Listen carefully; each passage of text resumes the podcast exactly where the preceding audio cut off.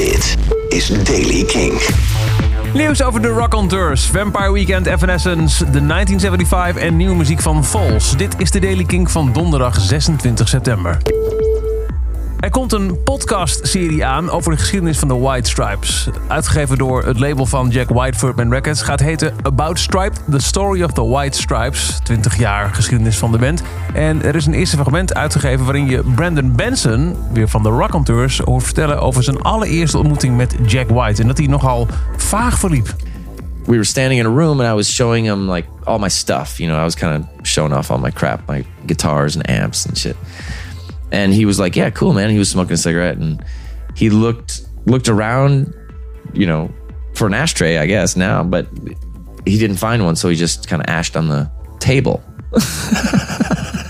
I was just like shocked, you know, and I, for, I think he maybe wiped it off or something. Like he noticed my like my horror and that's and that was jack and then like and then the next thing i know he's going he's running across the street to what we called thriller market which was you know thriller was was a was a reference to the michael jackson video and you know all the zombies walking around because that's what this liquor store was like on the corner and like you you definitely didn't you didn't go in there for any reason you definitely didn't go in there to get food or pizza they sold pizza i guess and so that's the other thing I remember about him. He ran across the street. He's like, dude, I'm hungry. I'm gonna, I'll be right back. So he ran across the street. Verder vertelt Brandon ook nog dat Jack White destijds niet heel erg gezond at. Volgens mij heeft hij, zegt hij in de podcast, zijn allereerste tomaat bij mij thuis gegeten. About Stripes, The Story of the White Stripes verschijnt binnenkort als podcast. En nog meer podcast nieuws. Ezra Koenig, de frontman van Vampire Weekend, is al vier jaar lang gastheer van zijn eigen Beats One radio show, Time Crisis. En nu begint ook de ritmesectie van Vampire Weekend aan een eigen show, een podcast. De serie van 10 afleveringen gaat op 2 oktober een première en gaat heten The Road Taken. Bassist Chris Bayo en drummer Chris Thompson praten daarin met collega-muzikanten over het leven on the road. Binnenkort kun je in die serie onder andere gesprekken horen met Winston Marshall van Mumford Sons, Michelle Branch, Albert Hammond Jr. van The Strokes en Patrick Carney van The Black Keys. Evanescence heeft onverwacht een akoestische show moeten spelen in Rusland nadat een vrachtwagen met hun apparatuur betrokken was bij een ongeval. Het concert was eigenlijk gepland voor zondag in Voronezh in de Grad Event Hall.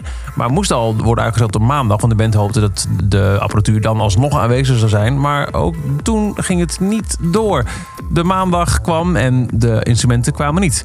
Nou, eh, wat ze toen hebben gedaan is eh, allemaal akoestische gitaren huren en daarmee spelen. We didn't come all the way here to cancel on you guys. So, instead, we rented some local instruments and put together an acoustic set. So we're going to be playing an acoustic show tonight. Is that okay with you guys? И мы все равно приехали к вам в Воронеж, чтобы сыграть для вас это особенное шоу. Мы Dit is een специально top. арендовали Dat je niet denkt dat инструменты Scott Emily и is eh, goed in de Russisch. наслаждайтесь. Thank you, Val. Let's get to it. Let's play the show. Ja, niet verderop. Begint er een volledige set. Akoestisch van Evanescence. Matt Healy van de 1975 heeft Greta Thunberg de meest punk persoon die hij ooit ontmoet heeft genoemd. Thunberg is uitgegroeid tot het wereldwijde boegbeeld van de protesten tegen klimaatverandering. En de 1975 heeft onlangs met haar samengewerkt aan het nummer The 1975. Een gesproken essay over de effecten van klimaatverandering. Het openingsnummer van het aanstaande album Notes on a Conditional Form. Matt Healy heeft in een uitgebreid interview over Thunberg gezegd dat het een van de weinige mensen was, is, waardoor hij ooit echt starstruck is geweest. En dan Vols. Gisteren kondigden ze al een klein stukje aan. heb ik ook laten horen in de Daily King van gisteren. Maar nu is hij er ook echt. De derde track van Everything Not Saved Will Be Lost Part 2. Dat binnenkort uitkomt. We kenden daar van Black Bull en single The Runner. En nu is track Into the Surf ook uitgebracht. Nieuwe muziek van Vols.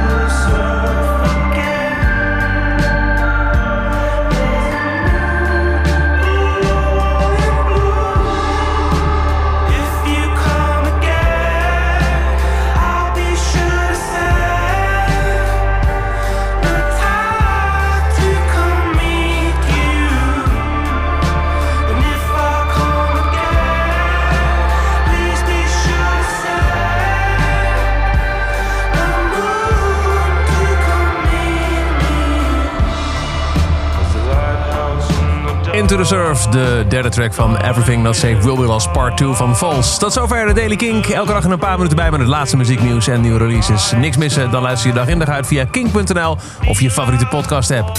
Elke dag het laatste muzieknieuws en de belangrijkste releases in de Daily Kink. Check hem op kink.nl of vraag om Daily Kink aan je smart speaker.